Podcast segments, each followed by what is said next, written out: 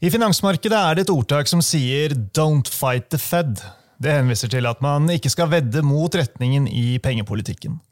For meg så virker det litt som om aksjemarkedet nå gjør det motsatte. De prøver å fighte Fed. Og akkurat nå har aksjemarkedet overtaket i kampen, selv om dette selvfølgelig fort kan endre seg. Så spørsmålet er er jeg inne på noe her, eller tar jeg helt eh, feil? Det skal jeg diskutere nærmere med Paul Harper i dagens episode. Vi skal også innom Kongsberg Gruppen, Yara, XXL tankmarkedet og børsnoteringen av Doff Group.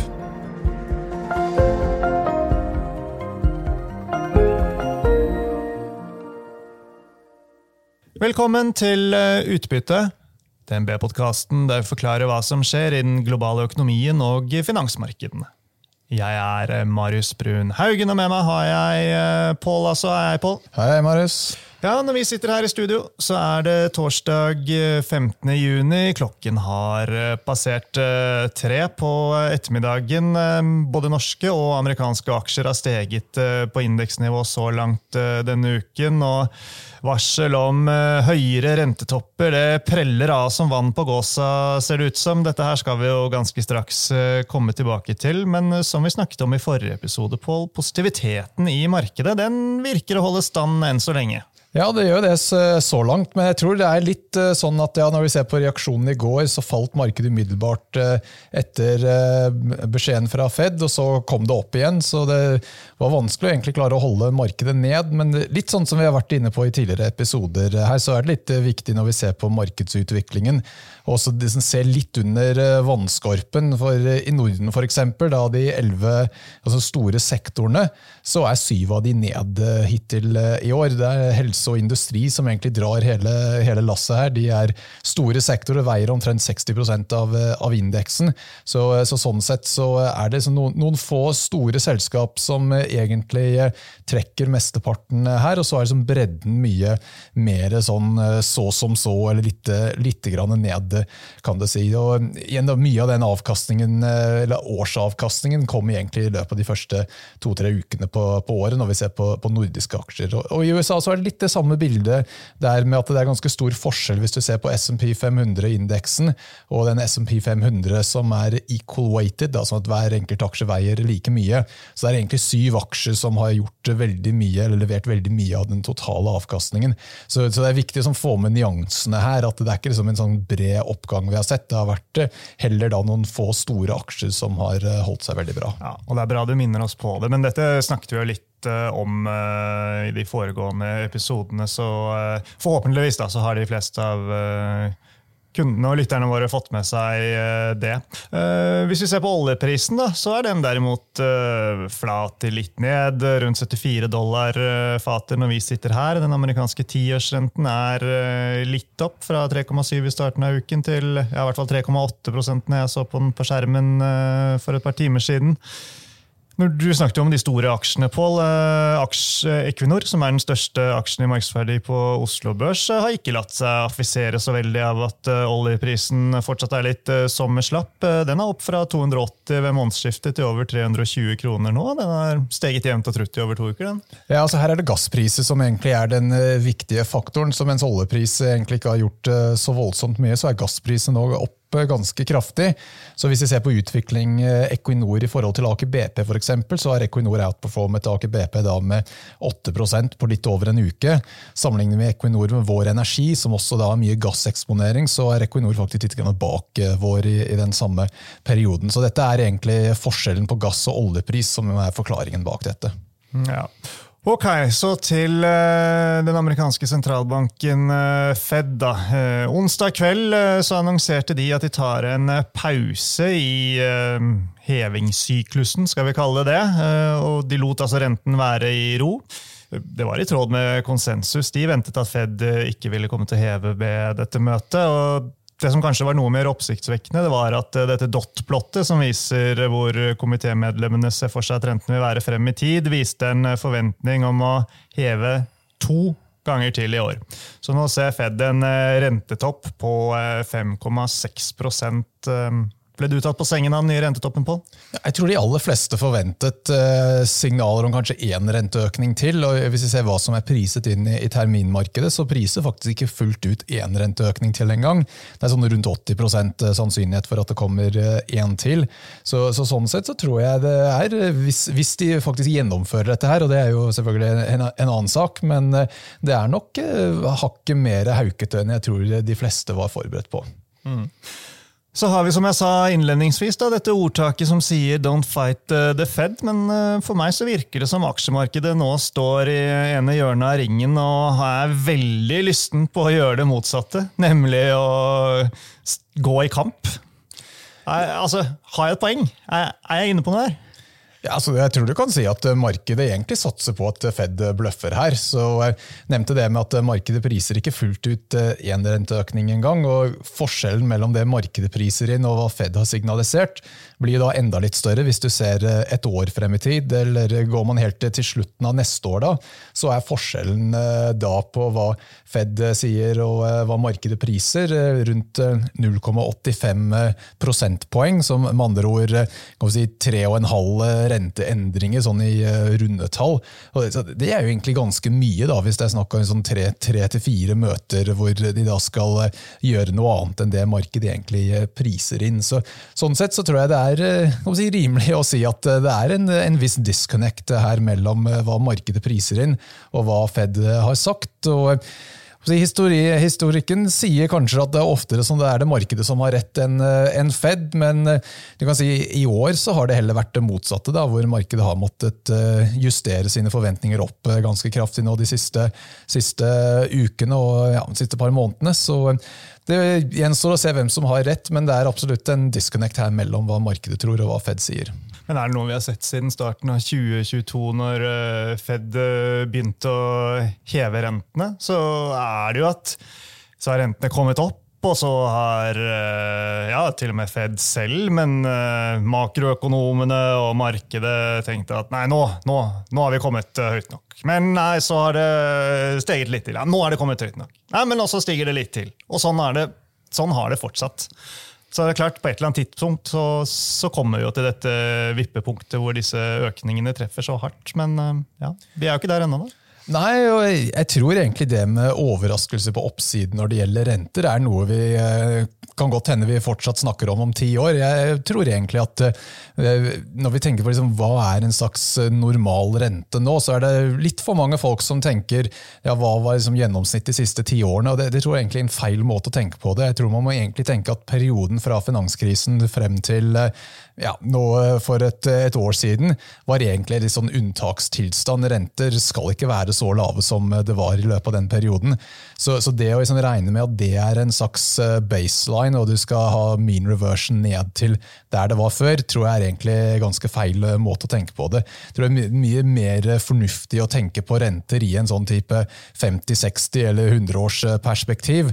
Og da er mean reversion eh, egentlig at renter skal opp heller enn ned. Og jeg tror det er også ganske mye fundamentale faktorer som trekker i samme retning. Ikke minst at statsbudsjettene det går mer større og større underskudd. Så det, det er rett og slett mye statsgjeld som skal eh, ut i markedet, og er mye penger som ble jaget inn i aksjemarkedet fordi at renter var lave. Og Da tror jeg det blir til at eh, renter trekker oppover igjen til å overbevise investorer til å reallokere penger fra aksjer inn i rente til å finansiere disse statsbudsjettene. Ja da. Og så får jeg bare presisere da at uh, i forhold til uh, dette vi snakket om uh, med hvorvidt markedet prøver å fighte Fed eller ikke, så så er vel juryen eh, fremdeles eh, ute, og eh, markedet kan fort trenge noen dager på å fordøye det som kom i går. og Et lite svar på det får vi jo allerede senere i dag, når det amerikanske markedet åpner. og Så får vi se hvordan det, det går. da, så Det får vi bare ta med her. Det sagt, da, Apple-aksjen i går, mens Fed hevet rentetoppen, så gikk den til ny toppnotering. Den rett oppunder 184 dollar. Kan man ikke se det da, Paul, som et uttrykk på at investorene sier her blir det ikke resesjon og høyere renter, det vil ikke stramme inn forbruket nok til å skade Apples inntjening? Ja, Det er i hvert fall én måte å tenke på det, i hvert fall retningen på aksjen. Hvis hun skal prøve å være litt sånn devil's advocate her, så kunne man eventuelt argumentere for at eh, hvis det er eh, de største aksjene igjen, de med sterk balanse og pricing power og eh, sånn evnen til å stå imot en svakere økonomi, når det er de aksjene som gjør det relativt sett best, så kan det også tolkes som en eh, slags varsel at eh, investorene prøver å posisjonere seg i litt mer sånne defensive aksjer. Og det, det har vært et tema, Vi har vel vært litt inne på det også i tidligere sendinger.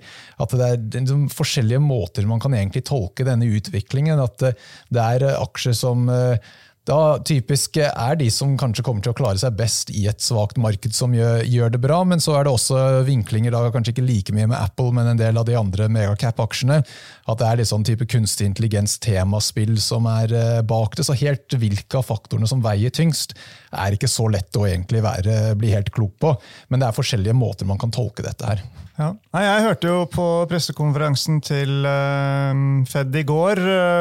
Satt med kaffekoppen og på terrassen i sommervarmen og koste meg. Jeg, eh, sånn jeg oppfattet Fed-sjef eh, Jerome Powell, så gikk han langt i å si i klartekst at pausen nå er eh, på en måte en del av den langsiktige planen, denne skal vi kalle det hevingssykkelen. Altså, først så hevet de jo superfort med fire ganger 0,75. Og så eh, tok de det litt roligere med en halving, og så har det nå vært noen eh, kvartinger, altså 0,25 hevinger, og så eh, denne pausen nå.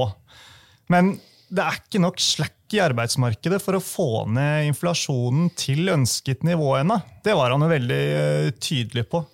Og én ting er at høy fart i rentehevingene ikke er like viktig nå, men farten, og jeg understreker altså farten på rentehevingene, det er ikke det samme som hvor høyt renten skal. Og, og dette her er en nyanse som er greit å ha, ha, med seg. Så Jeg satt igjen med én konklusjon etter eh, pressekonferansen. og det er at Dersom ikke Fed ser tegn i dataene, og da spesifikt disse jobbdataene, at de eh, ikke blir eh, dårligere og indikerer mer økonomisk brems, så vil Fed fortsette å heve, og da kan rentetoppen bli eh, enda høyere. Altså, er du enig eller uenig? Ja, Da var det ganske mange forskjellige ting du kom med der, så jeg prøver å ta så mange, så mange av de som jeg husker her i, i farten. Men eh, hvis vi begynner med kanskje det viktigste av de tingene du, du nevnte. så er det klart at Når du har hatt såpass mange renteøkninger på kort tid, så er det veldig vanskelig for Fed å egentlig vite helt hvor stor effekt vi allerede ser nå i, i tallene. Er det det at eh, de har gjort dette og det har ikke hatt noe effekt, eller er det bare at effekten fortsatt er foran oss? Og, og Dette er noe som er eh, veldig vanskelig, for det er ikke noe sånn veldig god empiri på, på dette. for å si, Det nærmeste man kommer i sånn type tekstboklogikk, er at det er sånn typisk 6-18 måneder fra du begynner å sette renten opp til hele effekten er eh, å merke i økonomien. Men det er ikke noe sånn veldig presist eh, der. Den eh, si, 6-18 måneder er ganske, ganske stor slingringsrom mellom fortest og lengst mulig tid der. Så, så det er jo som én faktor i dette bildet. Og hvis vi tenker første renteøkning var bare 15 måneder siden, så i det, sånn den 18-måneders-varianten så har vi nesten ikke fått noe effekt av dette her i det hele tatt enda. Så, så, det er egentlig en, en, situasjon hvor det er en stor fare for at de ender opp med å sette renten opp eh, for mye, og kanskje allerede for fort og, for mye.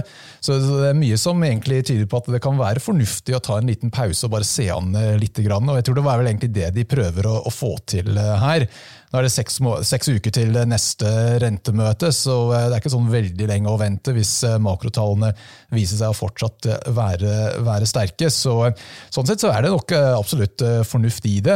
Men på den andre siden så kan jeg si at det, hvis, de skulle være så haukete i den talen, og i dotplotten osv., hvorfor ikke bare sette renten opp en ekstra gang for sikkerhets skyld her? Så jeg tror kanskje det, det, det kommer liksom ned til her er at i hvert fall Sett fra Fed sin eh, side, så er de, når de først har undervurdert inflasjon én eh, gang, så er de veldig redd for å gjøre samme feilen to ganger. Så jeg tror de, Hvis de først skal bomme, så de vil heller bomme med å sette renten opp for mye enn eh, for lite. Og så det med å prøve å komme med en litt sånn kompromiss, kanskje, da, med å ikke sette renten opp, men komme med en litt sånn haukete um, kvalitative uh, indikasjoner så, så, kan det kanskje også eh, tenkes litt i det formatet at det er ikke Fed-renten i seg selv som egentlig påvirker økonomien, det er hvordan Fed-renten påvirker markedsrenten.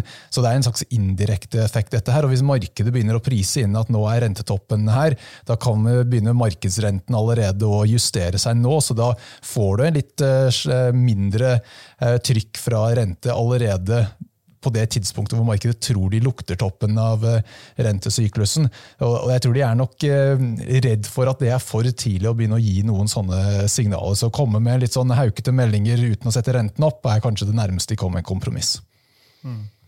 Men hvis ikke arbeidsmarkedet blir mindre stramt, vil ikke det gjøre det nær sagt umulig å få inflasjonen eh, ned på ønsket nivå? og Dermed så har man ikke noe valg? Man må sette renten videre opp? Ja, det er jo det som er veldig vanskelig med denne situasjonen. For jeg tror en myk landing er egentlig en utsettelse av en hard landing. For det er jo sånn at Vanligvis når man har en, eh, si, slutten av syklusen, så får man en resesjon, og så øker arbeidsledigheten eh, en god del.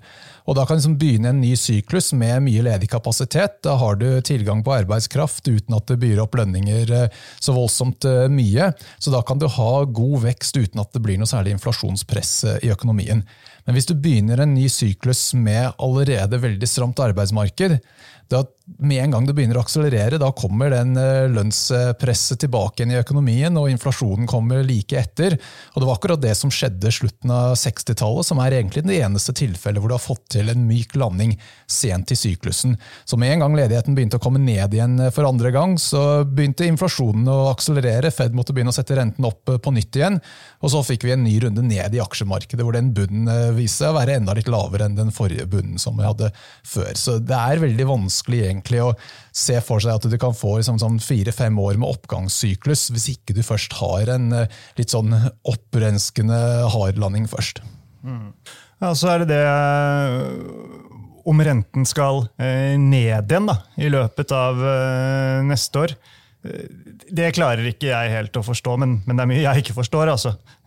Jo mindre vi da får en hard landing, da, ja, Det er en uh, utfordring det med at uh, når, når, markedet allerede egentlig tror at Fed bløffer, så, så, er det sånn at du har ikke noe, noe, buffer der. Så går det bra, så må egentlig uh, markedsrentene trekke oppover her. Det er ikke sånn at markedet allerede er sånn ganske eh, si, haukete på, på, renteforventning, så går det bra, så må rentene opp. Mens inntjeningsestimatene er ikke der hvor de liksom legger til grunn noe, noe resesjon. Så myk landing, så er det renter opp og inntjening sidelengs, eh, antageligvis. Hvis det er hard landing, da skal rentene ned, men da kommer antageligvis inntjeningsestimatene ganske kraftig ned også. Så det er veldig vanskelig egentlig å klare å få til noe sånn balanse hvor du klarer å få prisingen ned uten at, eh, prising sånn i forhold til multiple ned, uten at eh, aksjekursen må, må, trekke noe ned. Så Alternativet er at du egentlig bare overshooter mer på oppsiden. som, eh, ja, Det er jo en, selvfølgelig en mulighet, det også, men det gjør at den dagen harde landingen kommer til slutt, så er fallhøyden enda større. Høyere renter og i en lengre periode, det, det, gjør det ikke noe mindre tøft for eiendomssektoren f.eks.? Nei, det er eh, si, mange bransjer som har gjort seg litt for avhengig av eh, lave renter, egentlig, kan du si, i eh, nærmest evig tid. Eiendom er kanskje den sektoren som er mest åpenbar på akkurat det fenomenet, men du kan jo egentlig si det samme om private equity og en del andre typer ting, hvor det er liksom avhengig av å hele tiden refinansiere til en litt lavere rente enn det du gjorde sist gang.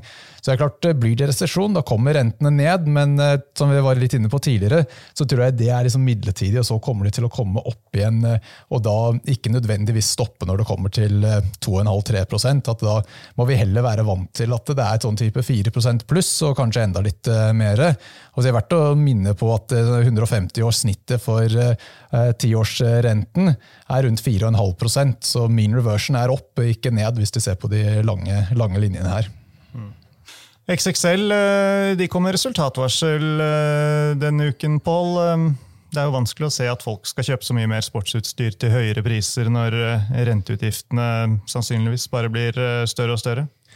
Ja, det er vel kanskje blant de aller letteste tingene å utsette og, å kjøpe. og Det ble jo kjøpt veldig mye av dette her i eh, pandemiperioden. Så det er ikke akkurat første gang XXL har kommet med noe resultatvarsel. og Det er jo ofte litt sånn at eh, hvis selskapet først kommer med én resultatvarsel, så er det ofte at det kanskje tar to-tre runder før de egentlig blir ferdig med alle, alle utfordringer. og Det virker som det er tilfellet med XXL her. at Helt når vi når bunnen her, er vanskelig å si. Det kan jo kanskje, hvis vi skal prøve å snu dette her noe positivt, da, at aksjen falt ganske kraftig når meldingen kom, men endte dagen med å stenge nesten flatt. Så jeg må si jeg var litt overrasket at det var sånn eh, markedet tolket eh, det der. Men på den andre siden da, så kom det noen melding i dag om eh, noe, eh, noe, ekstra skatt i Norge, så aksjen er jo ned igjen eh, i dag. Så vanskelig å vite helt, men det å, å ha en aksje som stiger på dårlige nyheter, er en slags eh, klassisk bunnsignal. Jeg syns det er litt skummelt å egentlig satse på at det var eh, bunnen, men eh, you never know. Kanskje det er, kanskje det, er det det er. Ja da. Din kollega Ole Martin Westgård har en holdanbefaling og kursmål 2 kroner og 20 øre på aksjen. Den er vel rundt 2 kroner og 30 øre nå. Det er jo mulige brudd med lånebetingelser som også er på agendaen her, så ja, det er både hva skal vi si, positive og negative veier videre, som det alltid er. selvfølgelig. Ja, De sa vel at det ikke var i brudd nå, men eh, det kan jo godt hende at eh, om de har det en, et dårlig kvartal til, så kan det godt hende at de blir i brudd etter det. Så Det er klart det er vanskelig nå, hvis du er innenfor eh, diskresjonær konsumvarer at får, har folk dårligere råd, så er det klart det er de tingene som er lettest å kutte ut. og eh, Hvis det er en resesjon vi har foran oss, så er det vanskelig å se for seg at eh, det ikke, ikke blir noen tøffe kvartaler til for eh, XXL. Mm. Vi snakket vel var det forrige uke om dette ekstra OPEC-kuttet som uh, Saudi-Arabia uh, skulle ta. og Så snakket vi om uh, tankmarkedet og at det ikke var så positivt for tankmarkedet, som er på vei inn i det som er lavsesong. Men stikk i strid med alt dette her, så har det vært full fyr i tankratene denne uken. Hva er det som skjer? Ja, Det er egentlig et veldig godt spørsmål. Jeg var absolutt overrasket over at ratene har skutt i været Eh, sånn de har gjort. Så eh, ja, det har i hvert fall holdt nå et par dager på eh, ganske mye høyere nivåer enn det var for en uke siden. Og det er som du sier, ikke det som pleier å skje på, på denne tiden av året. og Hvis ratene holder seg opp på det nivået det er snakk om nå, det er sånn type 75 000 dollar dagen for VLCC-er, så det er jo egentlig ganske bra rate for å være peak-sesong, ikke for å være å si, sommersesong hvor ratene er ofte pluss-minus null. Så det viser jo da at eh, markedet er veldig stramt da, til tross for eh, OPEC-kutt. Så hvis vi først da skulle begynne å få en eh, reakselerasjon i, i økonomien, så, så, kan man bare tenkes hvor de ratene eventuelt kommer til å ende opp. Det er ikke veldig, veldig lenge siden vi så sekssifrete rater. og når man eh, si, et eller annet sted opp på 70-tallet allerede i, i, juni, så kan det fort bli flere hundre tusen eh, dagen i eh, si, peak season til høsten. Så ja. det ser egentlig veldig, veldig, spennende ut, dette her, hvis det holder. Ja. Vi har jo snakket mye om det, så vi skal ikke bruke så mye tid på det i dag. Men skal også ha en, eller planlegger å ha en gjennomgang på shippingsektoren med shippinganalytikeren vår Jørgen Lian før sommerferien setter inn. Du har gjort uh, endringer denne uken du, Paul, i porteføljen med anbefalte aksjer som du uh, styrer. Uh, du tok inn to aksjer, du tok ut det nå for så vidt, men Kongsberg Gruppen kom inn. Her har vi en kjøpsanbefaling etter at vi har gjenopptatt dekning. kursmål 550 kroner, aksjekursen rundt 470 nå. Hvorfor er dette et spennende case? Ja, egentlig synes dette har vært et spennende case i lang tid, men når vi ikke hadde dekning, så, så hadde jeg ikke mulighet til å ta det inn i, i porteføljen. Og, det er ikke noe sånn uh, rocket science, dette her, men uh, dette er da bedrift som si, tjener veldig, veldig, gode penger nå på salg av våpen og våpensystemer og ammunisjon og, og, litt av hvert. Og det er klart Dette er jo et område hvor akkurat nå så er det for lite kapasitet, så de si, produserer alt, alt de kan og dette er forholdsvis høymargin eh, business. Så, og heller ikke noe særlig syklisk, da, når etterspørselen er ikke sånn drevet av utviklingen i, i, økonomien ellers. Så for å være et industriselskap så er det mye mindre syklisk enn en de fleste. Høye, stabile marginer. Kundene er stort sett, eller i hvert fall på forsvarsutstyr, så er jo det det offentlige som har betalingsvillighet. Så dette er et selskap som er veldig lett å like ut ifra akkurat det bakteppet, og dette er ikke noe som jeg tror egentlig endrer seg på en god stund. Så vi liker, liker selskapet, stigende estimater, stigende kursmomentum. og ja, du kan si Det er ikke så billig som det var tidligere, så det er klart det er ikke like spennende nå som det var for seks til tolv måneder siden. Men, men, uansett så tror jeg det er et selskap som klarer å opprettholde høye multipler, heller at det kanskje er så mye multiple ekspansjonpotensial igjen. Ja, på estimatene til analytikeren vår her på huset så er det en eh, forventet direkteavkastning på området 3-4 over eh, de neste årene. Utbytte vel i rangen på sånn 14-17 eh, kroner, om jeg husker riktig. Men, men, det er ikke derfor man går inn i dette caset. Det er, det er mer for veksten sin skyld. Han venter jo at fortjeneste per aksje skal doble seg over de neste årene. Ja, så det er stort, eh, stort, potensial her. og Så må vi heller ikke glemme at de er jo store innenfor uh, marineområdet også. Det er, uh, de produserer si, high-tech utstyr for shippingbransjen. Jeg tror jeg så i, i rapporten og mente at det er 30 000 skip som har Kongsberg-utstyr av en eller annen variant på seg. Så da har du også både en sånn ganske stabil høymargin business med vedlikehold av service av eksisterende utstyr. Og så har vi nå hatt, eller er i en periode hvor det, ikke er bestilt så voldsomt mange, mange, båter av alle mulige slag. Så etter hvert som etterspørselen der tar seg opp eh, igjen, så har du da en, en ganske god eh, backlog, om ikke altfor lenge antageligvis, med nye skip som skal produseres og eh, mye utstyr som trengs til, til det. Yara, en annen aksje du tok inn i eh, porteføljen, eh, den er eh, lett å like den på lang sikt. Verden trenger mer mat, og da er kunstgjødsel viktig. Analysten har en kjøpsanbefaling på 525 kroner. Aksjekursen er 370 nå. Eh, den gikk jo X utbytte på tirsdag på 55 eh, kroner og korrigerte omtrent akkurat i tråd med det, men eh, så falt den ganske betydelig i går onsdag. Vi skal kanskje ikke lese altfor mye ut av det, Pål. Hvis gassprisene som du nevnte tidligere strammer seg til, så har jo Yara vist tidligere da, at det er en aksje som har klart seg bra i, sånt, i, en, i, i en sånn verden. Ja, de har jo hatt en periode nå med superprofit, når eh, gassprisene har vært høye, nettopp fordi de har tilgang til eh, billig gass i USA, da, i motsetning til eh, mange av de tyske konkurrentene. Og det var da et resultatvarsel fra en av de tyske konkurrentene som var grunnen til at aksjekursen falt noe her i går. Så jeg synes det er litt rart, egentlig. Det burde ikke være noe særlig read across til Yara fra, for akkurat det. men ja, Til hvilken grad det var det, eller om det er noe annet, er litt vanskelig å si. Men jeg syns egentlig det var litt ufortjent, det fallet som, eh, som kom i går. Mm. Men uansett, Yara, en aksje som, som vi liker og har tro på. Absolutt. Attraktiv prising. jeg tror sånn Syv-åtte ganger PM-multiplen, så ikke noe, ikke noe, dyr aksje i, i, det hele tatt. Og en langsiktig, sterk etterspørselsbilde. Så jeg ja, syns dette her er noe som absolutt virker ganske solid. Ja. Sist, men eh, ikke minst, så må vi ta med at det er en eh, børsnotering på gang. De har det ikke vært eh, mange av i år på. Nei, det har vært ganske tørt når det gjelder akkurat børsnoteringer. Det har jo hatt en periode nå de siste årene hvor det har vært veldig mye, men det, det har vært vanskeligere å, å si, få til så mye aktivitet i år. Det har vært litt, litt mer nervøse markeder, og da er det ikke like lett å få plassert forskjellige børsnoteringer. Men nå er det altså offshoreselskapet Doff eh, Group som skal eh, på børs. Eh, tegningsperioden for kjøp av aksjer er i gang. Den varer til tirsdag 20.6 for privatpersoner. Fristen er klokken 12 den 20.6. Og DNB Markets bistår selskapet med gjennomføringen av denne transaksjonen, så det er begrenset hva vi kan si om dette. Men om du er interessert, så finner du all relevant informasjon om børsnoteringen på dnb.no emisjon. Med det så er vi kommet til veis ende for uh, i dag, så da gjenstår det bare å si, Pål, tusen takk for at du var uh, med denne uken uh, også. Og sist, men ikke minst, folkens, tusen takk til alle dere som hørte på.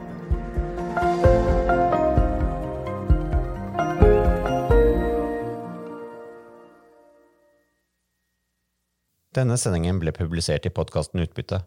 Innholdet i sendingen er å anse som markedsføringsmateriale fra DNB og er ment å være generell spareveiledning.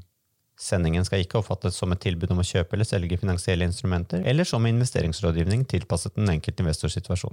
En investor som har behov for råd eller har spørsmål om informasjon som gis, bør kontakte en finansrådgiver. DNB påtar seg ikke noe ansvar verken for direkte eller indirekte tap som følge av innholdet i sendingen legges til grunn for eventuelle investeringsbeslutninger. Husk at historisk avkastning aldri er noe garanti for fremtidig avkastning. Avkastningen kan bli negativ som følge av kurstap. Bruk av prognoser for å beregne fremtidig avkastning er heller ingen garanti for fremtidig avkastning. Innholdet i sendingen bygger på informasjon fra offentlig tilgjengelige kilder som DNB ser på som pålitelige, men som ikke er uavhengig verifisert. Følgelig gir DNB ingen garanti i forhold til nøyaktighet og fullstendighet. Alle uttalelser her reflekterer DNBs, den enkelte ansatte, eller andre tredjeparts vurderinger på tidspunktet for den aktuelle sendingen, og kan i ettertid endres uten nærmere beskjed. Ytterligere informasjon om bl.a. kildebruk og interessekonflikter er tilgjengelig på dnb.no skråstrek invest, bindestrek disklemer.